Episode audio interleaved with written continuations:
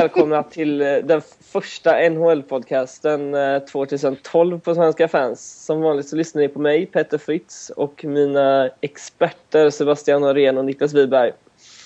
Ehm, och eh, i och med det nya året så har det även varit Winter Classic som vi, vi snackade lite allmänt om utmatcher förra veckan. Men nu har ju årets Winter Classic i Philadelphia spelats. Ehm, vad säger ni om årets tillställning mellan Flyers och Rangers?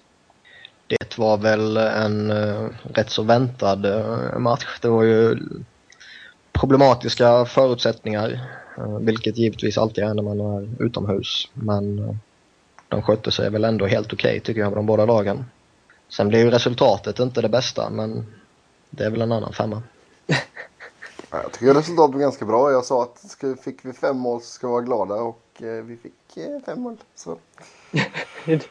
Du är nöjd? Ja, men det var, må, målen var felfördelade.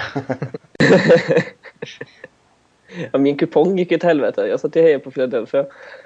Eh, om, om man nu eh, ska vara, visa sina färger. Min färg är grön som pengar.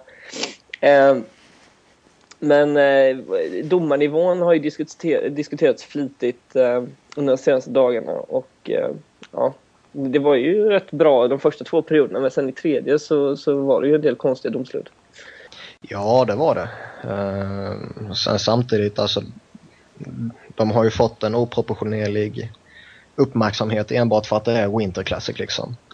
Ja. Uh, för man ser ju samma domslut i var och varannan match runt om i ligan liksom. Så det... Ja, och inte bara det. Det, det som har fått uh, stor fokus som, jag, vet inte, jag, jag, tycker inte att det är någon större grej, men, men att domaren är från Philadelphia-området eh, som dömde matchen. En, en av dem, en av domarna. Men liksom, ja. Nej, det är väl inte så mycket att säga.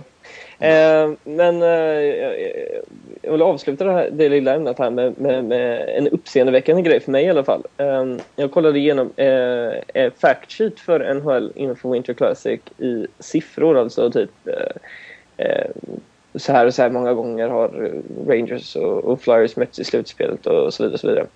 Eh, in, inför matchen hade de bara planerat att sälja 10 000 varmkorvar på 47 000 personer. Ja, det var lite lågt. Ja, alltså jag, det, det, låter som ingen... Jag undrar, vad, hade, är det falukorv med bröd så kan jag förstå det. Men, men, ja. eh, Fast det är ju, eh, alltså i, i Philly så är det ju mycket cheesesteak liksom. Ja, men cheesesteak stod inte med. Ä, även här, på, Okej, för det, det smäller de på med som bara den i liksom lokala medierna. Att, uh, det, ja, det, det kommer jag. satsas jättehårt på. Jo, jo, men det, det gör det ju alltid i, i det, det, ja, Jag menar, de, de flesta arenorna har ju kanske en McDonalds inbyggd eller, eller någon ja, varmkorv eller burgare liksom. Men, men jag vet det i, i, i Wells Fargo Center så är det ju cheesesteak som gäller. Även när det inte är något speciellt. Ja, ja. Och det var det ju i Winter Classic också. Precis. Eh, nåväl, eh, andra nyheter så har det varit lite, lite avstängningar och, och, och incidenter där. Eh, mm. Raffi Torres eh, drog uppmärksamhet till sig igen. Eh, du kanske har någon, någon uh, inside information här Sebbe? Ja, nej, det var väl alltså, ser man Shanahan's förklaring och allt sånt där så var det ju ganska logiskt. Han eh, jag kommer inte exakt ihåg vilken spelare det var han tjoffade till men det var i matchen mot Minnesota. Så, Nate, eh, Nate Prosser. Ja, så han, alltså han, han lämnar ju isen så han hoppar ju framåt in i tacklingen. Så eh, han har ju båda skridskorna i luften när kontakten sker. Så eh, det, det var ju ganska väntat att han skulle åka på någonting för det. Han har ju haft en del uppmärksammade incidenter senaste tiden också här, Torres. Ja, alltså han, han ligger ju på gränsen och spelar hela tiden. Det gör han ju. Mm. Um, sen hade det varit kul ifall han höll sig innanför ramarna lite oftare kanske. Alla vill ha uppmärksamhet på något sätt. Ja, men han har ju börjat göra mål också så jag liksom, då, då behöver han inte göra de här tacklingarna. ja, det var en mening jag aldrig trodde jag skulle höra. Nej, så ska jag inte säga. Han, han, han har några bra. Men eh, sen har vi även Dan Carcillo har ju ett in, inbokat möte med Shanahan. Uh, eh, ingen dom har väl fallit där än.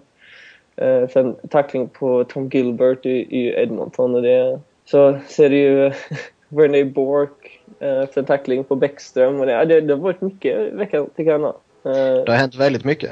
Den Det roligaste, alltså, roligaste situationen är kanske Corsillo som det är väl kanske fel att säga att det var roligt när han smäcker in Tom Gilbert i, i sargen. Men eh, han skadade sig ju faktiskt själv också.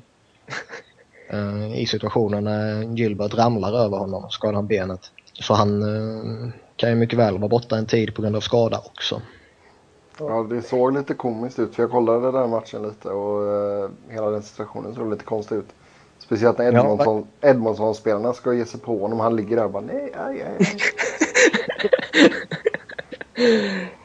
man, får, man får ju bara hoppas. Jag, jag, jag, jag är ju sådär 20 år efter, men eh, man får hoppas att det inte händer samma sak med honom då som det gjorde med Moderno i början av 90-talet. Har ni sett det klippet? När, eh, när eh, sjukvårdarna tappar båren Moderno. nej. Han blir krossad av Messi av vad, NHL, av vad NHL idag skulle kalla en blindside hit. Alltså Messi kommer i stort sett, eh, han kommer snett bakifrån och bara trycker in axeln i huvudet på Moderno. Han, han flyger som en vante, ligger ner eh, och så följer kamerateamet sjukvårdarna ut när han ska in i ambulansen. Och då blir det någon felkommunikation så att de tappar honom när han ligger fastspänd på båren. Åh. Det, det kan, vara, kan faktiskt vara värt att se det. Det är, det är jobbigt för hon, för hon, eller det var jobbigt för honom naturligtvis, men, men eh, det är komiskt idag, man säga.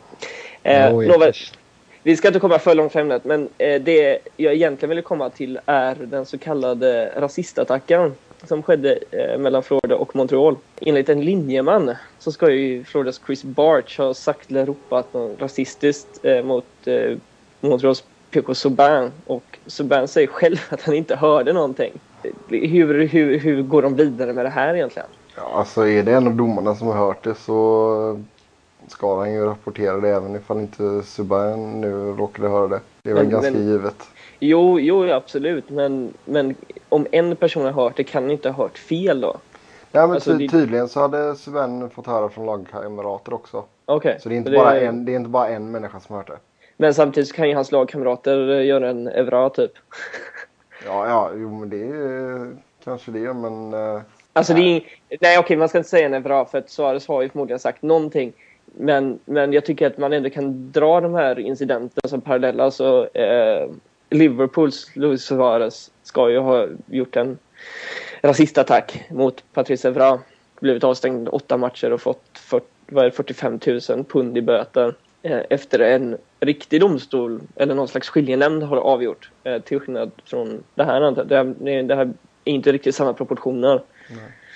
Eh, jag vet inte, jag, jag, naturligtvis så ska, ska det ju kollas igenom och sådär men, men jag menar, det är ju alltid ord mot ord. Sen är det väl det här med, med linjemannen så får man väl ta hans ord lite starkare än en, än en Olsson. Hans ord väger ju alltid tungt i det fallet liksom. Vad sa du? Ja, domarens ord väger ju alltid tungt, framförallt i Jo. ett sånt här fall. Och det känns väl som att stämmer det att han eh, sa något sådant så känns det väl som att eh, ligan borde ta tag i det. Det tuggas ju väldigt, väldigt mycket på isen givetvis, men det är sällan man hör någonting om eh, liksom, rasistiska glåpord. Men det är ju för att det bara finns en handfull svarta spelare i ligan.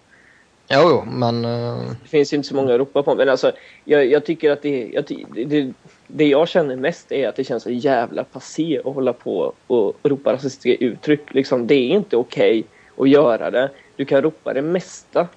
Men, men det är verkligen en grej som inte är okej. Så liksom, det är bara att lägga ner. För det, det leder ju inte till något gott. Jo men det är ju samma sak som att, menar, man hör ju dem kalla varandra för eh, både det ena och det andra. Sexuella läggningar och andra grejer. Det är liksom... Det är Fast det, så, hamnade, ju- det, det var ju Wayne Simmons eh, kallade ju eh, Sean Avery eh, för gay typ. Vad kan det ha varit? Alltså han ropade väl typ fem, sex gånger. Ja. Det blev väl ingen media... eh, Det gick ut i media om det liksom och, och, och det blev en nyhet men, men det var väl inget... Eh, blev han, fick han någon, någon straff för det? Minns du det? Nej, Nej, inte vad men, jag kan eh, minnas. alla tyckte väl att han kanske hade rätt. ja, jag gillar ju Sean Avery så att, ja. Eh, Jävla idiot är han. Jag, är för nog, för, jag ligger väl rätt ensam om den åsikten skulle jag tro i, i, i, även i Sverige. Så är det nog. Men jag tycker, ja, jag tycker han är skön. Han, eh, han kör sitt race så att säga. Men nej, men som sagt, jag ska alltså naturligtvis så, så känns det... Jag vill bara, vill bara klargöra att jag tycker inte det känns passé att fördöma rasistattacker. Jag tycker bara att det är så jävla dumt att göra dem överhuvudtaget. För ja, det, är, det, det, det, det är helt IQ-befriat. Ja, så att, så att man inte tror att, att jag tycker att det är helt okej okay att, att ropa både det ena och det andra. det var det jag menar. Men eh, om vi tar en, en, en, sista nyheten, lilla korta nyheten för, idag, så, eller för den här veckan, så, så hyllade vi Chicago Blackhawks förra veckan. Eh, och efter det så har ju deras vecka inte gått så jättebra. Nej, vi jinxade dem en hel del ju. Ja. Eh, först blev de nollade av Los Angeles och det är ju, vet vi alla att blir man nollad av Los Angeles då är man dålig. Och eh, sen lyckas de i och för sig besegra Detroit så det, det är ju alltid en fjärde i hatten. Ja. Eh, men sen blev det ju torsk mot själva Edmonton och det är inte så jävla hett. Nej, så att det, det har ju varit lite upp och ner. Men och det, vi kan ju säga det är inte första gången vi jinxar ett lag. Minnesota slutade ju gå bra efter att vi hyllade dem också.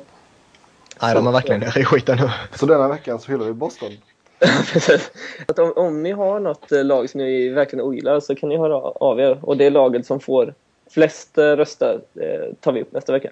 Nej men precis. Jag menar, det är, Chicago är Chicago så att de kommer ju studsa tillbaka och ta sig till slutspel och förmodligen gå minst några rundor. Så att det är väl ingen, ingen oh. större grej egentligen. Det är lite, lite fnurr på tråden, eller vad man säger. Ja. Så att, eh, ja, jag sagt, de hämtar sig säkert. Men eh, nu tycker jag vi går in på det, dagens stora ämne. Vi har valt eh, faktiskt att koncentrera oss på, förutom som vanligt det sista med att vi tar upp eh, legendariska spelare, så, så ha, har vi ett stort ämne istället för eh, några större. Eh, och den här gången så tycker vi att det passar med eh, en genomgång av Svenska fans säsongranking som vi gör inför säsongen i och med att eh, ja, ungefär halva säsongen har gått nu och då känns, känns det väl lägligt att, att göra en ny genomgång. Och det är så att när, när vi gör vår um, stora lista inför säsongen, vår ranking, så, så lämnar alla skribenter som vill lämnar in eh, en, um, en ranking över hur de tror det kommer gå. Och sen så sammanställs i en stor lista och vi får fram ett uh, genomsnitt av de som har kommit in. Och uh, vi kommer att dela upp Eh, den här genomgången på tre avsnitt för att det känns lite väl eh, mastigt att gå ut med 30 lag på en och samma gång. Så att vi kommer köra lag 30 till 21 på eh, rankinglistan den här veckan. Alltså vi kommer att eh, gå igenom eh, utefter hur rankingen såg ut, inte utefter hur det ser ut eh, i tabellen. Och sist rankade eh, på Svenska fans lista inför säsongen var Ottawa Senators. Och eh, man får säga att de har överraskat än så länge. Eller? Ja, absolut. Speciellt med tanke på att de kan inte spela försvar. att, eh, nej men alltså det är som vi sa innan vi började spela in att släppa in 135 mål och ändå så ligga på en 13 plats i ligan är ju helt otroligt. Nej men precis, nej men jag håller med dig. Det är, det är helt värdelöst men jag menar de, de tradade till sig eh, Craig Anderson eh, under slutet av förra säsongen och förlängde väl med honom i stort sett omedelbart. Vilket ja, de inte har gjort ostraffat. Så jag menar, jag ska vara helt ärlig, jag tycker man ska, ska wava eh, Craig Anderson eller Alex Old och ta upp eh, Robin Lehner. För att han, han har potential, han har, han har lite erfarenhet nu och, och jag tror inte det skulle skada dem på något sätt att ha honom i laget. Fast det kan skada honom om han får släppa in en jädra massa mål varenda match.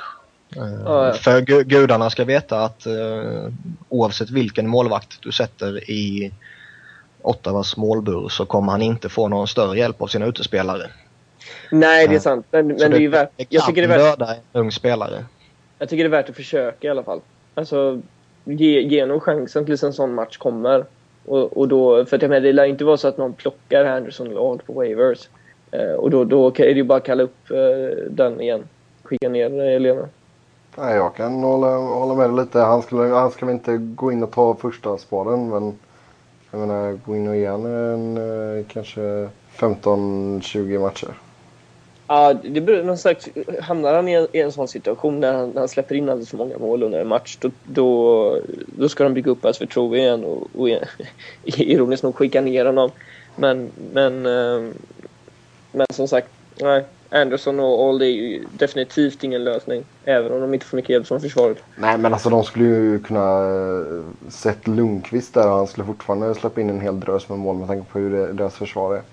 Ja, men Rangers har inte haft det bästa försvaret de senaste åren heller. Lundqvist är ju en helt egen kaliber. Alltså, beror på hur man agerar på isen också.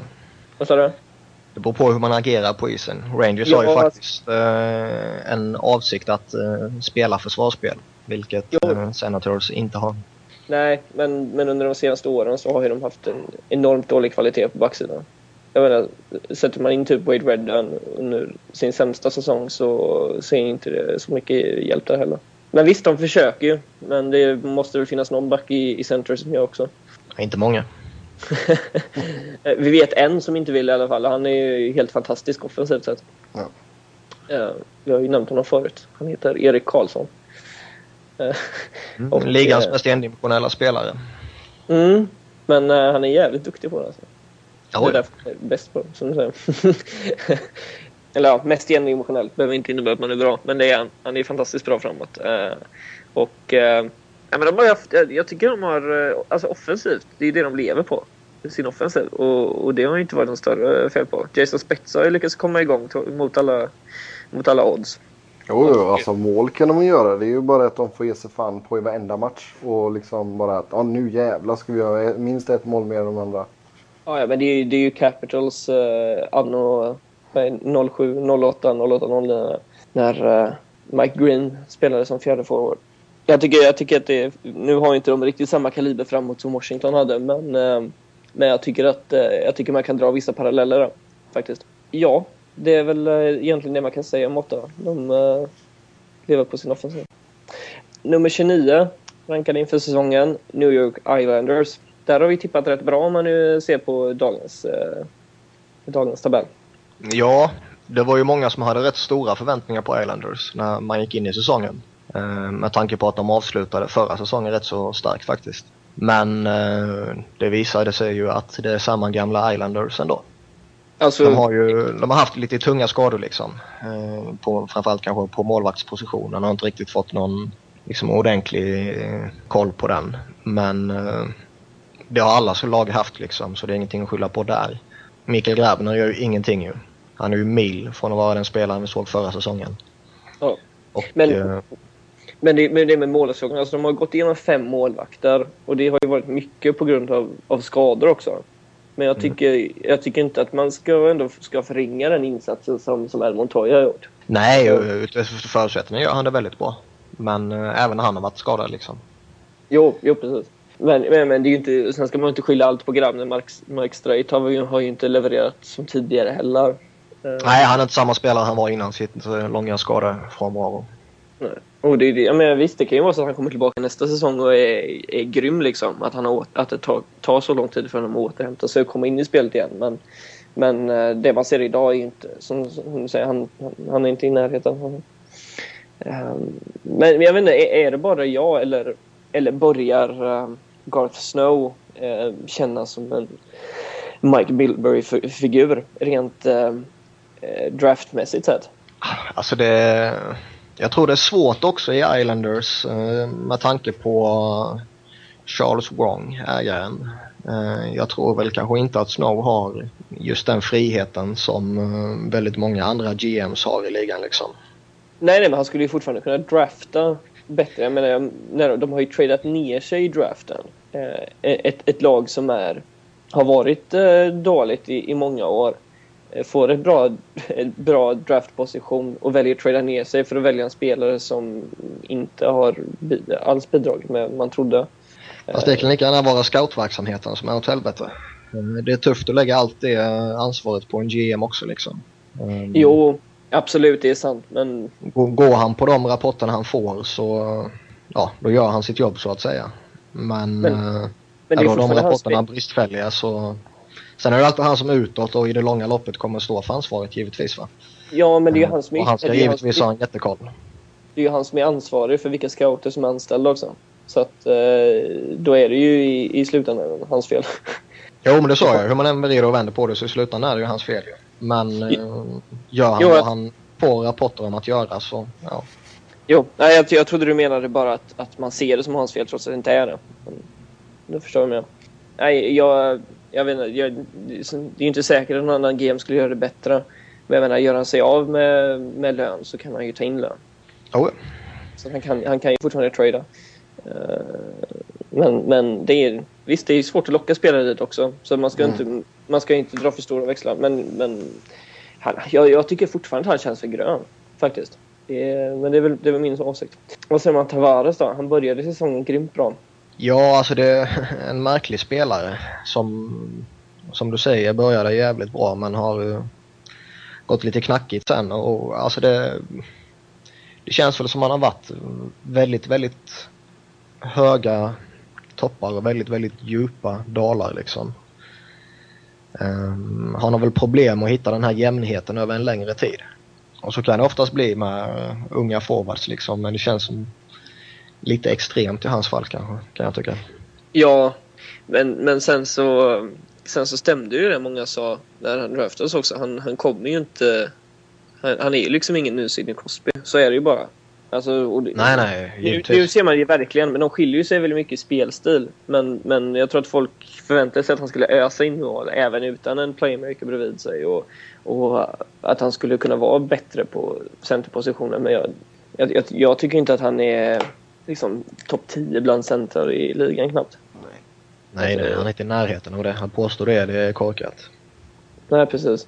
Han är, han är inte värdelös på något sätt. Jag tror, jag tror att han skulle ses som, som bättre ifall han fick en, en ordentlig spelare bredvid sig. Ja, jo, men det skulle hela Islanders lag göra. förvisso, förvisso. Ja, nej men, men eh, det går ju mot ännu en, en mörk eh, avslutning för, för Islanders. Och vi får se vad som händer. Charles Wangs projekt har inte gått igenom och bygga nya arenor och så. så att, eh, om, om de inte lyckas så, så antingen så, så de kommer ju flytta in bredvid Mets i eh, Shea Stadium, eller ja, Citibank Field eller vad heter det nu. Eh, förväntas väl, eller att de flyttar. Så det är väl de två alternativen de har och, och, och flyttar de så då kan alltså det gå hur som helst.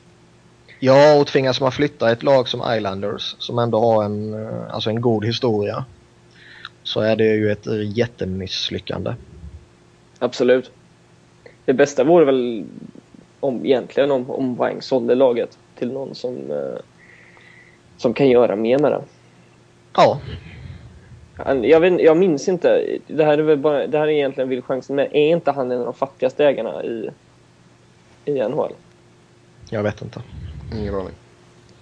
Jag, jag har för mig det, men jag kan mycket väl ha fel. Samtidigt är det väl det att han, han är väl i stort sett ensam ägare och då kan det ju bli ett tungt lass att dra. Nåväl, vi går vidare till nästa lag. Eh, rankad som nummer 28 har vi eh, forna Atlanta Thrashers. Och, eh, vad ska man säga? Vi, en, vi, vi har tre lag nu. Alla kommer från Eastern Conference. Eh, så ser det inte riktigt ut i, i botten av ligan idag. Men, eh, men Jets har ju gått eh, mycket bättre än, än vad man skulle kunna... Eller vad, vad vi trodde inför säsongen. Ja, ja, ja, de, har ju... Ja, kör du Sebbe. De har verkligen gått över förväntan. Jag, eh, jag hade dem som sist i min eh, tippning. Så det, men det, det är ju kul att se för Winnipeg. Alltså, de har fått tillbaka laget och så spelar de så helt okej. Okay. Jag, tr jag tror det hjälper att de har de har ju utsålt varenda match. Jag tror de, när de sålde säsongskort nu så var folk tvungna att köpa dem för minst tre säsonger eller vad det nu var. Så det, nej, det är kul. Det är en smart investering när, när honeymoon-perioden är över så att säga. Exakt. Det är, det är smart marknadsföring. Eh, ja, men som du säger, de har ju ett enormt publikstöd. Det märks ju verkligen på, på deras eh, statistik hemma. Det, de är ju eh, eh vi ska se här. Eh, 14-6-1 är de på hemmaplan. Vilket eh, är bra för, för vilket lag som helst. Och eh, det, det, har ju gått knackare på bortaplan så det, det är ju helt klart en faktor. Mm. Jo, alltså ska de, ska de ha någonting att göra med ett slutspel så måste de ju skärpa till sig på bortaplan. Ja. Det kan vi ju lugnt garantera. Men det är, ja, nej, men det är kul att se. Och, uh, fan, nu blankar jag på namnet. Tänker du på Evander Kane? Jag tänker på Evander Kane, exakt. Uh, det är ju kul att se att han verkligen tar tag i uh, ledarrollen där och producerar den så hyfsat framåt också. Mm. Jag håller absolut med. Eh, Niklas, jag, du hade lite input där innan du eh, gav eh, över eh, podiet till, till Sebbe. Ja, nej alltså de har ju ett lagbygge som inte är någonting eh, liksom att skryta med på det sättet. Eh, det känns väl som att Jets, eh, som ni var inne på, går på ren eufori på hemmaplan efter att ha spelat några år i Atlanta där det var liksom halvdött eller heldött på läktarna. Och det, det, finns för många hål i deras lagbygge för att det ska vara något liksom vettigt hot i det långa loppet. Jag ser väl inte att de tar sig till slutspel. Och uh, skulle de nu mot all förmodan göra det trots att de liksom ligger rätt uh, vettigt till i dagsläget så är det mm. ju en enorm bedrift som förtjänar uh, alla hyllningar som går att dela ut liksom. Men jag tror att ju längre säsongen lider så, de är ju inne i en rätt så rejäl formtopp nu. Och mm. när de väl kommer ner på, på jorden igen så kommer de ju rasa ner. Vad, vad säger ni om, om tränaren Claude Noël då? Ja, alltså det nu har inte jag sett extremt mycket av Jets så det är svårt att uttala sig om, eh, om det där. Men eh, han har ändå gjort det liksom helt okej okay ut efter eh, det laget som han har möjlighet att sätta på isen så att säga. Alltså vad ska man säga? Winnipeg har ju ett, ett en forwardsbesättning som antingen kan tokdominera matcher eller vara helt värdelösa och inte göra ett enda rätt. Um, de har ju några riktigt fina i Kane som de var inne på till exempel. Andrew Ladd gillar jag mycket. Uh, Alexander Burmistrov kan ju glänsa till rätt så saftigt när han är på rätt humör. Blake Wheeler också. Har sett, har sett bra ut när jag har sett honom. Mm. Mm, men samma där liksom. Han, han är... Uh, antingen är han kass eller så är han grym. Ja. Alltså de, de har för många som är uh, för ojämna. Ja. Och som uh, ja, de kan inte hitta den här jämnheten som vi är inne på just med Tavares tidigare också.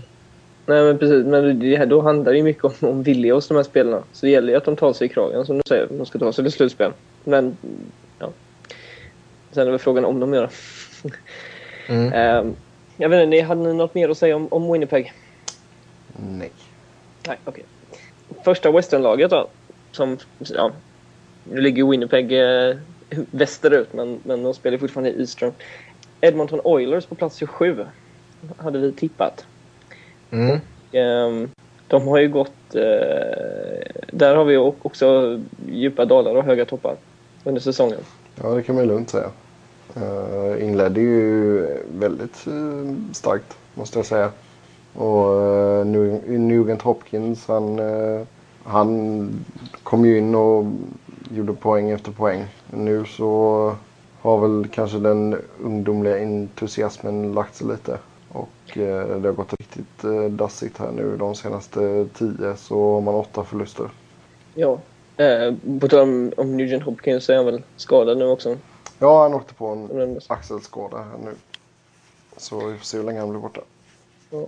Eh, nej men, men, men med, med dippar där för, för, för Oilers del så, så vann de ju ändå mot, mot Chicago, vilket man får säga en eh, tung skalp. Men, men eh, kan de inte vinna mer än så så är inte det någon, eh, så spelar, har inte det någon större betydelse liksom. Nej, det, det är ju gamla vanliga Edmonton vi ser nu. De gjorde ju en eh, saftig överprestation i början på säsongen. Och um, liksom sen mitten av november så har man bara vunnit sju matcher. Och det är ju bedrövligt. Um, det svaga lagbygget visar sig nu, framförallt defensivt. Och ja. uh, man kan väl säga att uh, Oilers får se fram emot ett nytt fint draftval till sommaren. Men det är ju, det är ju rätt absurt egentligen att de en, trots att eh, de har så få, så få vinster att, att de ändå inte ligger sämre till tabellen. Alltså de, de ligger 25 nu men, men de hade ju lika gärna kunnat ligga näst sist liksom. Ja, men de hade ju en så pass fin start och sen Habib Bullim var ju helt övermäktig ett tag där. Jo. Men, eh, men, men liksom det är ändå så. Jag menar, tittar man på eh, poängfördelningen bland spelarna så är det ju ändå så de. Det är ju de unga spelarna som får bära laget. Och det är väl inte riktigt så det ska vara. Faktiskt. Fast, fast där finns ju ett undantag. Vilket, vilket är jävligt kul att se. Det är ju Ryan Smith. Ja, men jag tycker en sån spelare som till exempel Sean Horcroft tycker jag borde göra mer. Jo. Och även kanske Erik Belanger. Men Belanger är ju ingen... Nej, men han, han... ett mål. Men glöm inte ja. Alesemski. som är en helt okej okay spelare när han i vanliga fall liksom och som ändå kan producera en del poäng. Men som är eh, alltså 13 poäng på 26 matcher. Även om det har varit lite skadeproblem mm. tid som test för honom den senaste tiden här nu va. Så är det alldeles, alldeles för dåligt. Jag menar Horcroft har minus 11. Det, det är ju inte okej. Okay. Nej, det, det är det inte. Men, men jag, jag, ska jag vara helt ärlig så tycker jag faktiskt att Taylor Hall har underpresterat till viss del också. Så jag tycker inte man ska säga att, att uh, de unga spelarna har varit uh, jättebra ändå. Pejärvi har ju varit värdelös. Det är ju, de, de som imponerar på mig är ju framför allt, uh, det är tre spelare. Det är Jordan Eberle. Mm. Har ju varit, han har ju verkligen spunnit vidare på sin bra säsong och, och leder ju interna poängligan. Och sen så är det ju Ryan Smith och Ryan Nugent Hopkins. Jo, men jag tror grejen, grejen med Taylor Hall har man ju märkt är att alla lagen smäller ju på honom så det sjunger om det. Alltså de går ju mycket hårdare åt honom denna säsongen. Det är rätt tufft också att såga en 20-åring som nästan snittar rätt poäng per match. Jag sågar honom inte, men jag, jag tycker fortfarande inte att, äh, att, att han riktigt äh, har gått lika bra. Sen, sen visst, sen är Eberly han är väl eh, ett år eller mer än så, två år äldre kanske. Ett eller två år äldre. Så att, Fast glöm, glöm, glöm inte det också att Taylor Hall har ett högre poängsnitt denna säsongen än vad han hade förra. Jo, jo. Så han, han, jag säger inte att han har gått dåligt, men jag hade fortfarande högre förväntningar på honom. Har du höga förväntningar på en väldigt ung spelare i ett väldigt svagt lagbygge? Ja. ja. Kolla på Sidney Crosby. Hur bra, hur bra var resten av Pittsburgh 0506? Jag vill dock hävda att det är viss skillnad på Taylor Hall och Sidney Crosby. Men du vet, väljs man först overall så ska det vara höga förväntningar på. Nåväl, vi har eh, skilda åsikter om eh, Taylor Hall. det är väl inte så mycket mer att säga om det. Jag, eh, jag förväntar mig lite mer av honom. Plats 26. Dallas Stars. Ligger, och de ligger just nu på en 18 plats i en tät division. Eller inte i en tät division, men de ligger på 18 plats totalt och de spelar i en tät division. Ska säga. Yes. eh, så att... Eh, det är en tät konferens är det också, överhuvudtaget. Mm. Nej men alltså Dallas var också ett av de lagen som inledde väldigt starkt och eh, även där målvakten Kara Lehtonen var ju en mänsklig vägg ett tag där. Så det, det hjälpte ju dem att plocka en hel del poäng i början. Eh, sedan nu så är det väl lite mer normalt eller vad man ska säga för Dallas. Ja, jag tycker de har skött sig förvånansvärt bra utan Brad Richards. Och jag menar, kan de cirkulera kring slutspelssträcket säsongen ut så har de gjort en väldigt bra säsong. Eh, ja. Framförallt med hänsyn till deras ekonomi som verkligen är begränsad om man uttrycker det milt. Eh, men nu har de väl bytt ägare? Är det någon av er som har koll på, på hans ekonomi? Den nya ägaren? Mm, nej, det kan jag inte säga att jag har. Nej, faktiskt inte. För det kan ju vara så att de eh, avvaktar nu tills, eh, tills uh, Free Agent-släppet i sommar och har lite mer pengar att röra sig med då i alla fall. För att det var ju Tom Hicks som ja, även har ägt Liverpool som, som hade lite snålt i kassan. Mm. Så han vill ju desperat sälja laget. Så det var han som hade ont om pengar. Sen, sen kan vi inte uttala oss om hur det är med, med den nya ägaren. men, men det märks ju att de har bytt tränare. det gör det Alltså jag har ju aldrig varit någon större fan av, av Mark Crawford bakom, bakom bänken kan jag säga. Uh, han, han avskedades ju så har de ju ersatt med, ja, är det någon som kan uttala namnet rätt? Gör ett försök. Glenn Gulutzen säger jag. Det är Gulutzen. Ja. Ja. Eh, som, som, som tränade AHL-laget tidigare, eh, Texas Stars. Eh, och han, han har gjort det riktigt bra får man ju säga. och ja, som, som jag säger, tillsammans med resten av laget naturligtvis. Men jag tycker, rent offensivt så, så har ju Louis Eriksson gått ner lite. Men, men inte så mycket som man hade kunnat tro nästan när, när Richards försvann. Nej, alltså en spelare av Brad Richards kaliber är ju alltid ett väldigt tungt tapp oavsett vilka övriga spelare just det laget kan tänkas ha liksom. Och det är det som är så pass imponerande att de verkligen har lyckats eh, sluta upp som en mer enhet och uh, verkligen leverera samtidigt som några av deras yngre spelare har fortsatt en utveckling, typ Jamie Benn som ja. Går från klarhet till klarhet för varje byte han gör liksom. Det får man verkligen säga. Han är ju, har ju varit eh, beast under säsongen får mm. man säga. Mm. har gjort några... Sen, mm. Fortsätt upp. De har ju ett, eh, ja, de har ett intressant scenario också vid trade deadline. Om det skulle visa sig att de är långt utanför slutspel så kan de ju faktiskt äh, agera där. De har ju alltså Radek Dvorak och äh, Adam Burrish som blir UFA. Och eh, de har ju Sheldon Surrey och Niklas Grossman på backplatsen som också blir UFAs. Och vill man så kan man nog eh, få ett rätt så bra utbyte för de fyra om man nu väljer att göra sig av med dem. Absolut, men, men jag menar just nu så, så går det inte att säga och jag tror inte att man nästan kommer kunna säga vid trade deadline heller eh, om, om det inte är så att de antingen går på en eh, antingen eh, hamnar i en väldigt djup dal eller en, en, väldigt hög topp så tror jag det är svårt kommer det vara svårt redan då för dem att bestämma sig eh, om nej, nej, givetvis. Man, man får ju, kommer man i en sån situation så måste man ju ta beslutet att antingen satsar vi och vi tror att vi kan utmana eh, antingen om slutspelsplatsen eller i slutspelet. Och det känns väl som att Dallas i, i deras fall så kommer de inte vara något hot överhuvudtaget i ett slutspel i det långa loppet. Eh, möjligtvis eh, ser de ett ekonomiskt eh, intresse givetvis i att få några slutspelsmatcher till, till arenan i och med ekonomin. Men eh, de borde också kunna någonstans inse sina egna begränsningar och kanske förstå att det är bättre att skicka iväg några av dem, de spelarna som vi nämnde kanske eller några andra för att eh, i det långa loppet eh, förstärka laget med till exempel craftval eller yngre förmågor. Mm. Absolut. Kan vi sälja halva laget till Columbus? Columbus behöver hjälp. de behöver hjälp. De kan ge upp ett första draftval för eh, någonting. Så, så skulle nog Dallas vara nöjda. Men det, ja, det var ett väldigt dåligt eh, skämt. det inser till och med jag själv. Nej, men eh, jag tycker vi går vidare om inte någon har mer input om, om Dallas. Nej. Det, ja. Eh, plats 25, Florida Panthers. Jag har motbevisat alla. Ja. Ja, det är väl säsongens största positiva överraskning i min mening. De har lyckats få ett homogent och väloljat lagbygge eh, utan några egentliga stjärnor. Eh, första kedjan är ju eh, förvånansvärt het, producerar väldigt bra. Och eh, trots att de har en rätt galen skadelista för tillfället så har de lyckats hålla en eh, helt okej okay form över de senaste matcherna ändå. Och eh, måste väl säga att mm, jag är väldigt, väldigt imponerad av Florida denna säsongen.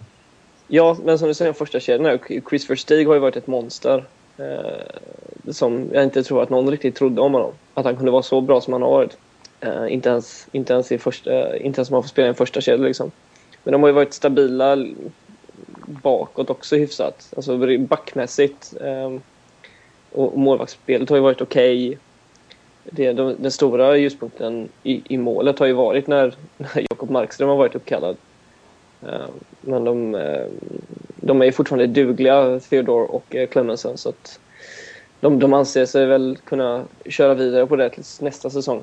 När... Ja, det, det är ju som jag sa, alltså de, de har inte någon stjärna någonstans. Möjligtvis Brian Campbell och kanske Steven Weiss kan, kan kallas för stjärnor så att säga. Men i övrigt är det ju verkligen rätt så anonyma spelare på alla platser.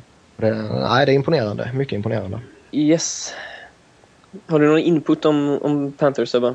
Ja, det är bara att hålla med det ni har sagt. Jag har ingenting att äh, lägga till.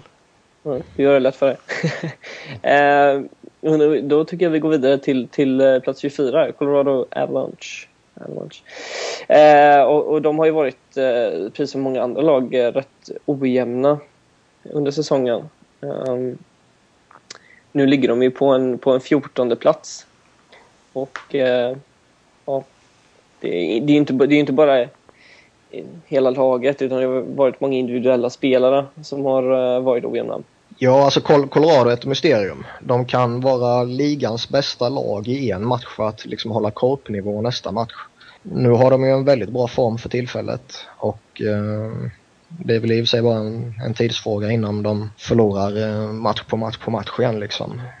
Eh, så det, det, är väldigt svårt att säga vad man har Colorado. Så det, Sen- ja, det, det är ett svårt lag.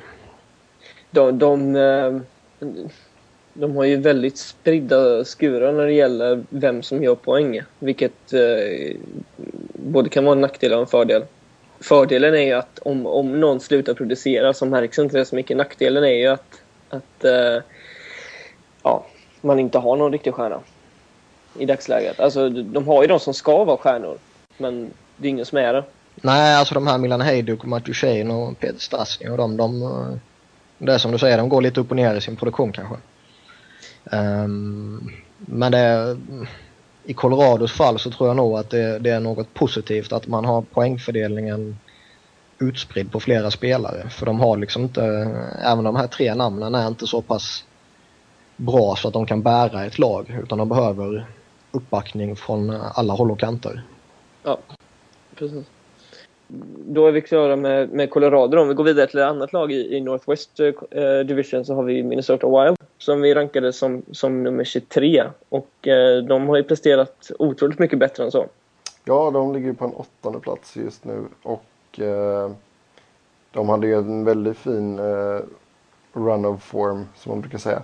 Nu har de i och för sig varit ganska dassiga ett tag här med, de är 1-6-3 senaste 10. Så, eh, men det var ju som vi pratade om när vi tog upp dem eh, för några poddar sedan att det, det var ju ett jäkla lagbygge där eh, alla kämpar för alla och väldigt strikta i defensiven. Ja, det får man absolut säga. De har ju...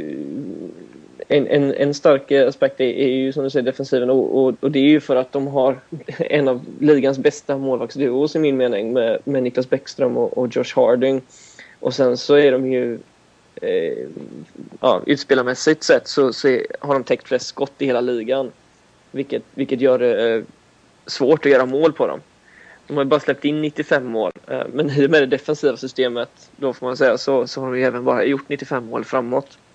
Så att eh, de måste försöka hitta någon, någon bättre balans där i, skulle jag säga. Så att de faktiskt kan göra det. De får, får lära sig att spela bättre i offensiven helt enkelt. Alltså ett defensivt spelsystem ska ju inte döda offensiven så pass mycket som det ändå känns som att det kanske gör i Minnesota och vissa andra lag i ligan också. Um, utan Wild har ju en forwardsbesättning med spetskompetens som ska göra mer mål än vad de gör. Det är liksom inget snack om saken. Uh, och i deras fall så känner inte jag att man kan skylla det på ett defensivt spelsystem för de här stora stjärnorna. Sen kan man givetvis göra det för rollspelarna att de kanske inte levererar fullt ut men Mikko Koivu, Danny Hitley, Matt Cullen, Bouchard. Alltså de, de ska göra mer mål. Det, hur man än vrider och vänder på det så ska de göra mer mål. Det ska de absolut göra. Men, men i dagsläget så får de ju skylla på det. För att de har uppenbarligen inget tillräckligt bra offensivt system. Eh, jag, jag, tycker man kan, jag tycker helt klart man kan jämföra dem med, med LA Kings i det fallet. Att, att eh, de spelar ett så pass defensivt spelsystem så att de inte vet hur man spelar offensivt.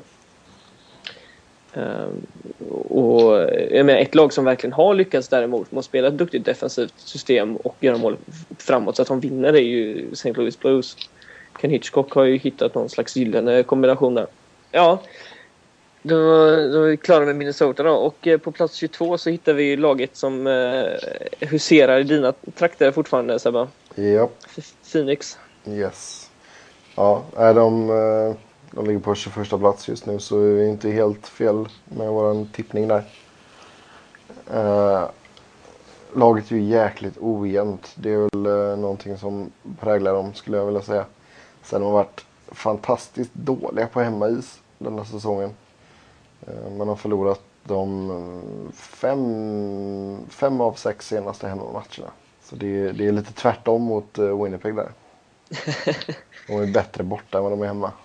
Ja, men det är väl inte så märkligt. Det är väl inte direkt eh, något eh, mecka eh, när det gäller att dra publik.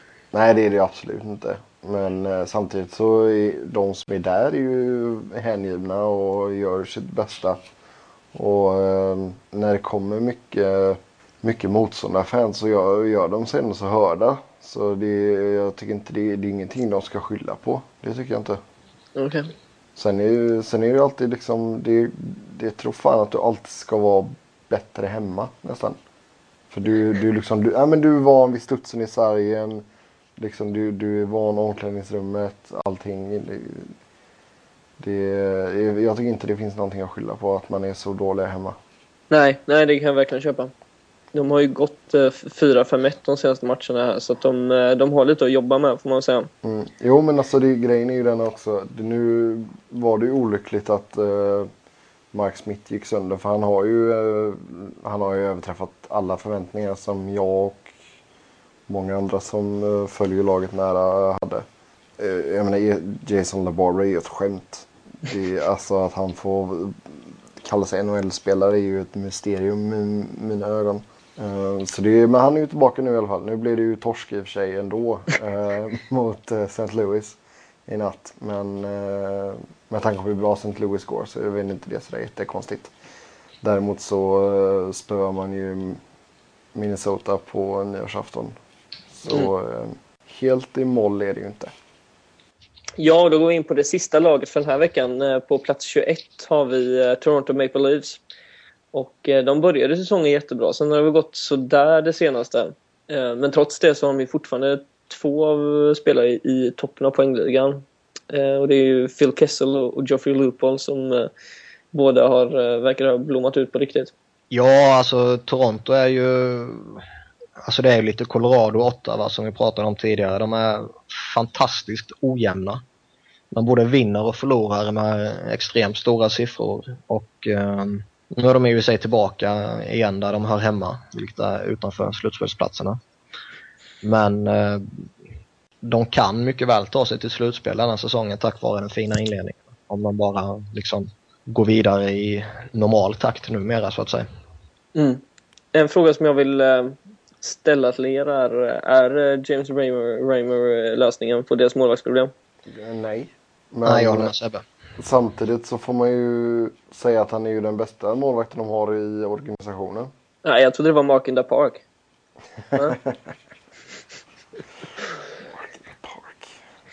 Mark Oja. Nej men, nej, men absolut, jag, jag håller med. Det var ju många som trodde det. Han, han gjorde ju bra i, i början liksom och sådär. Men sen så blev han skadad och eh, har inte kommit tillbaka och visat att eh, han kan vara en eh, nummer ett i ligan skulle jag säga. Nej men det blev ju en sån jäkla hype. Alltså det måste ju varit den mest hypade eller överhypade målvakten i inledningen av säsongen. Absolut. Alltså, så blir det ju alltid när en spelare i Toronto oavsett om det är en forward, back eller målvakt som presterar väldigt bra så blir det ju alltid en jävla hype. Jo men Kessel har ändå så hyfsat levt upp till hypen ändå måste jag säga. Jo ja, det tycker jag. Så, Absolut. Men jag menar, Raymer jag tror han känner den pressen när han kom tillbaka efter skadan. Att nu måste jag komma tillbaka och ja, mer eller mindre spika igen. Mm. Så det, det, ja, det behöver ju ett speciellt psyke om du ska lira hockey i Toronto. Det är ju en sak som är jävligt säkert. Och det. Framförallt en så krävande position som målvakt. Ja, och han kanske inte har det. Nej, det, jag, håller, jag håller med absolut. Ja, då har vi gått igenom eh, plats 30 till 21 och nästa vecka är vi då tillbaka med 20 till 11. Och eh, nu ska vi som vanligt eh, avsluta programmet med de bästa spelarna som har, har spelat i samma nummer som veckans podcast. Och vi är faktiskt redan uppe i avsnitt 17.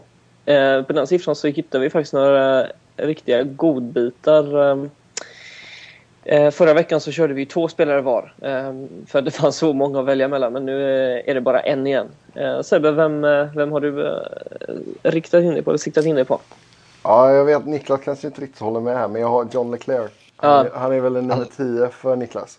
Men, ja, jag håller, jag håller med Niklas. Ja, men han får bli min, min nummer 17. Nej, du, du, får inte, du får inte vara med nu. Okej, okay, men då säger jag Kowalczyk då. Nej, det är ännu värre. Nej, det, det, blir John Leclerc för det är ja. en sån jäkla bra spelare.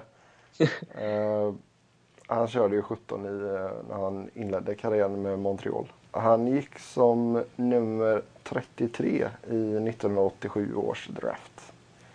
Och uh, började som sagt karriären med Montreal Canadiens.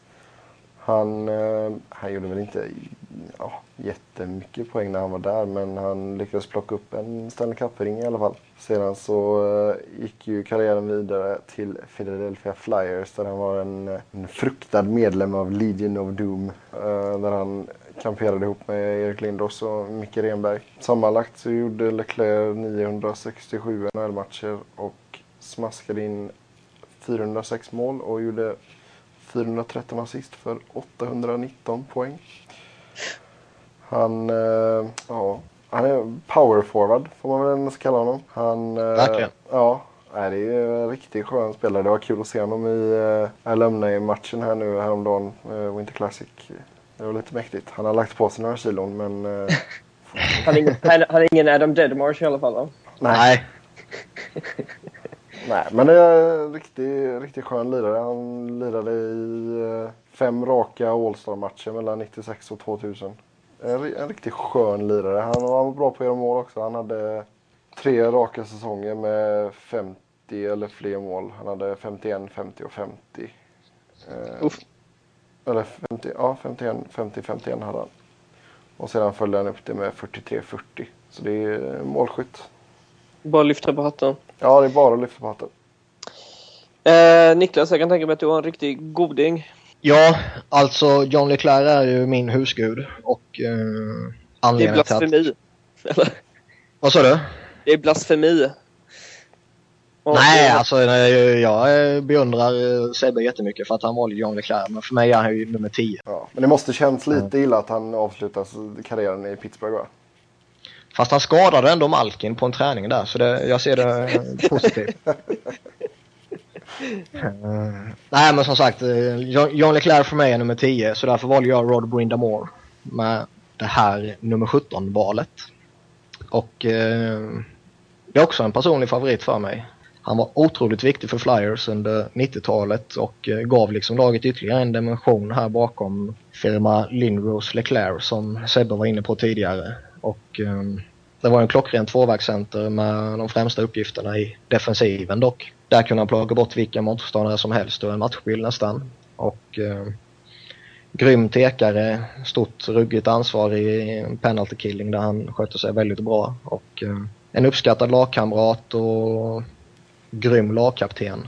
Eh, Sen är han ju ett fysiskt fenomen och eh, det räcker att gå in och googla hans namn och titta på lite bilder så ser man ju hur snubben ser ut när han är typ 38 bast. Och det är ju mer vältränade, de mest vältränade 23-åringarna liksom. Totalt blev det 1484 matcher och 1184 poäng. Eh, han förde sitt Carolina till Stanley Cup-seger 05-06.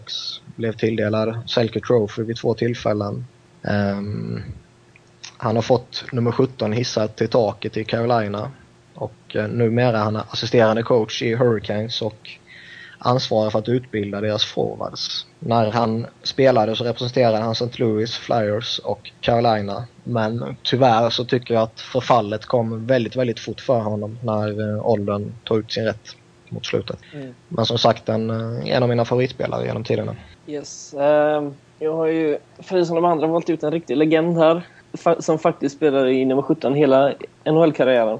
Eh, förra veckan så, så skämtade jag till det lite och presenterade oss som Oilers-legender. Och eh, nu har valet faktiskt eh, fallit på, på den som jag namngav mig själv på av, eh, ut, helt utan att tänka på det. Och då är det ju Jari Kurri jag pratar om. Och eh, ja, han, han är ju känd för att ha varit Gretzkys lekkamrat under åren i, i Edmonton. Han hade ju några riktigt fantastiska år både i Edmonton och Los Angeles. Eh, och några mindre fantastiska år i eh, Rangers, Anaheim och Colorado. Alltså, Curry eh, blev ju inte traded tillsammans med Gretzky eh, till, till Los Angeles utan faktiskt eh, 1991 via Philadelphia. Så han vann faktiskt fem kupper med Edmonton. Eh, den kuppen som Gretzky inte var med på 1990 eh, var han fortfarande kvar för dem. Det är ju ja, helt, helt fantastiskt egentligen eh, att, att vinna så många med samma lag också. Um, poängmässigt så var ju hans bästa säsong då 1985 när han gjorde 135 mål. Uh, och alltså, hade karriärbästa även i, i mål och assist då. Han gjorde 71 mål på en säsong. Så nu, nu, nu har jag inte det i huvudet men jag kan tänka mig att Gretzky förmodligen gjorde fler på egen hand. Men, ja. Alltså Curry är ju var ju inte så endimensionell utan han, han hade, tog ju även ett, ett bra defensivt ansvar och, och är Eh, betraktad som, som en av de bättre defensiva forwardsen även under, eh, under 80-talet. Eh, vilket kanske inte säger så mycket med tanke på vilken hockey som spelades då. Men eh, ja, han, han, eh, han avslutade karriären 1998 och då hade han gjort eh, 601 mål, 797 assist och 1398 poäng på 1251 matcher. Och eh, när, när, han då pensionerade sig så var han, hade han gjort flest poäng i Eh, bland europeer som var, som var både födda och tränade i Europa. Eh, men de, eh, de rekorden har passerats av, av andra spelare. Då nämnvärt Jaromir Jagr. Nu för tiden så är han ju då general manager för Finlands landslag så att vi här i Sverige får ju se honom lite då och då när han sitter uppe i ägarboxen och tittar ut på Sverige-Finland. Ja, det var, det var Jari Kurri det helt enkelt. En, en riktig legend. Det är ju värt att nämna hans eh, 19 mål från slutspelet 85. Mm, som tillsammans med Reggie Leach från Flyers på 70-talet är NHL-rekord. Du får in Flyers på alla möjliga sätt och vis. Ja, men det är viktigt. Ja, nej absolut. Men 85 var ju han absolut som bäst. Det är ingen, ingen, det är ingen snack om saken. Mm. Och, och, göra både, det, både den enastående insatsen, både i grundserien och slutspelet eh, under en säsong talar ju för vilken, vilken slags spelare han var. Och det var inte som att han var jättemycket sämre före och efter heller. Så att, nej, det var en helt fantastisk NHL-karriär. Verkligen. Ja, men då, då tackar vi för oss den här veckan. Eh, ni får inte glömma att titta på riktigt mycket NHL-hockey. Så är vi tillbaka igen nästa vecka och eh, som vanligt så kan ni följa oss på Twitter eller skriva till oss eller vad ni, vad ni nu vill göra. Ni kan, ni kan skriva elaka saker om ni vill. Och eh, då är det, min eh, Twitter är Petter Fritz i ett ord. Så har vi även eh, Seb Noren i ett ord och Niklas Wiberg i ett ord. Och ja, då tackar vi för oss. Ja, ha det gott! Hej hej!